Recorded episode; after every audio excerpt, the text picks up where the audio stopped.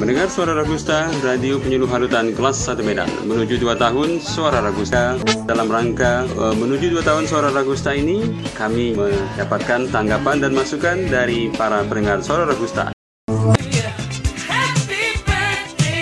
Saya Bania Teguh Ginting Suka Sebelumnya mengucapkan selamat atas 2 tahun mengedaranya Suara Ragusta di Rutan kelas 1 Medan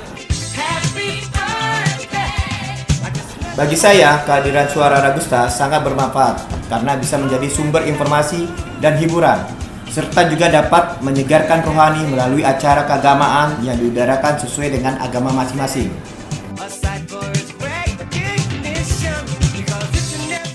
Harapan saya, suara Ragusta dapat terus bersiaran dan semakin mudah didengar di tiap blognya.